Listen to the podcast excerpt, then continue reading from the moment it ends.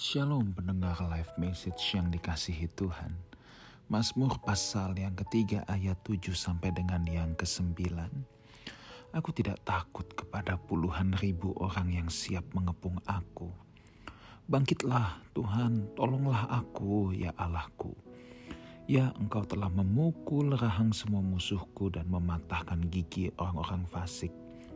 Dari Tuhan datang pertolongan berkatmu atas umatmu Sela. Saudaraku, saat pemazmur Daud mengucapkan kata-kata ini, ia sedang dikejar-kejar oleh anaknya sendiri Absalom.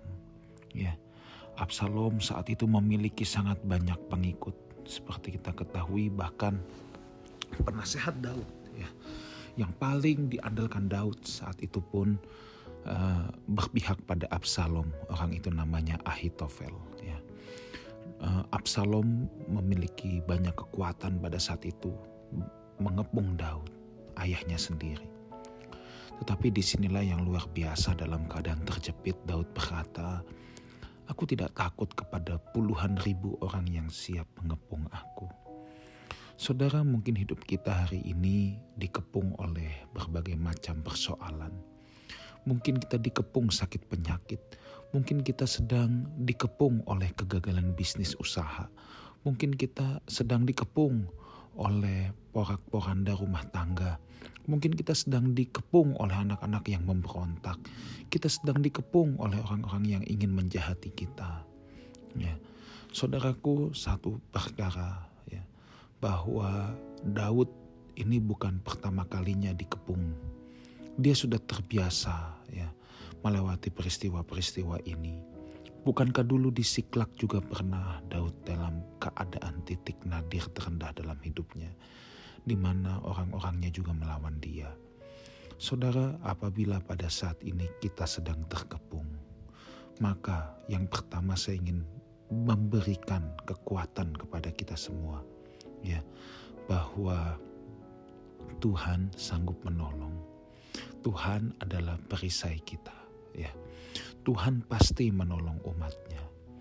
Kalau saudara sedang dikepung hal-hal eksternal, hal-hal yang di luar kontrol saudara, katakan sakit penyakit, ya, kebangkrutan usaha, ya, kegagalan hidup dan lain sebagainya. Saudaraku, jangan putus asa Jangan pernah berpikir untuk kita ingin mengakhiri hidup.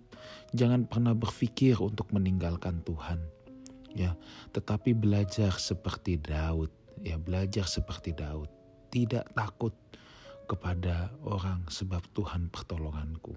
Tetapi kalau kita sedang dikepung oleh kegagalan rumah tangga, anak yang memberontak, saudara Tuhan juga pasti menolong.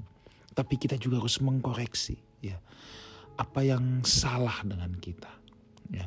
Ada persoalan apa sampai sampai semua ini terjadi? Ya.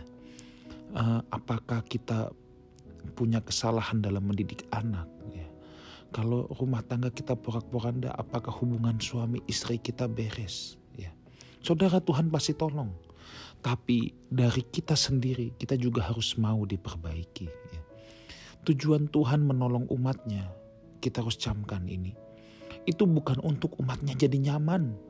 Tetapi tujuan Tuhan menolong umatnya adalah untuk memperbaikinya.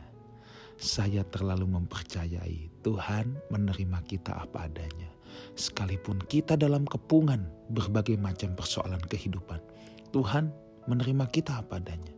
Tetapi Tuhan tidak akan membiarkan kita apa adanya. Tuhan ingin memperbaiki kita menjadi serupa dengan dirinya. Saudaraku, mari ya berharaplah pada Tuhan. Jangan pernah menyerah akan kehidupan ini. Tuhan Yesus memberkati kita semua.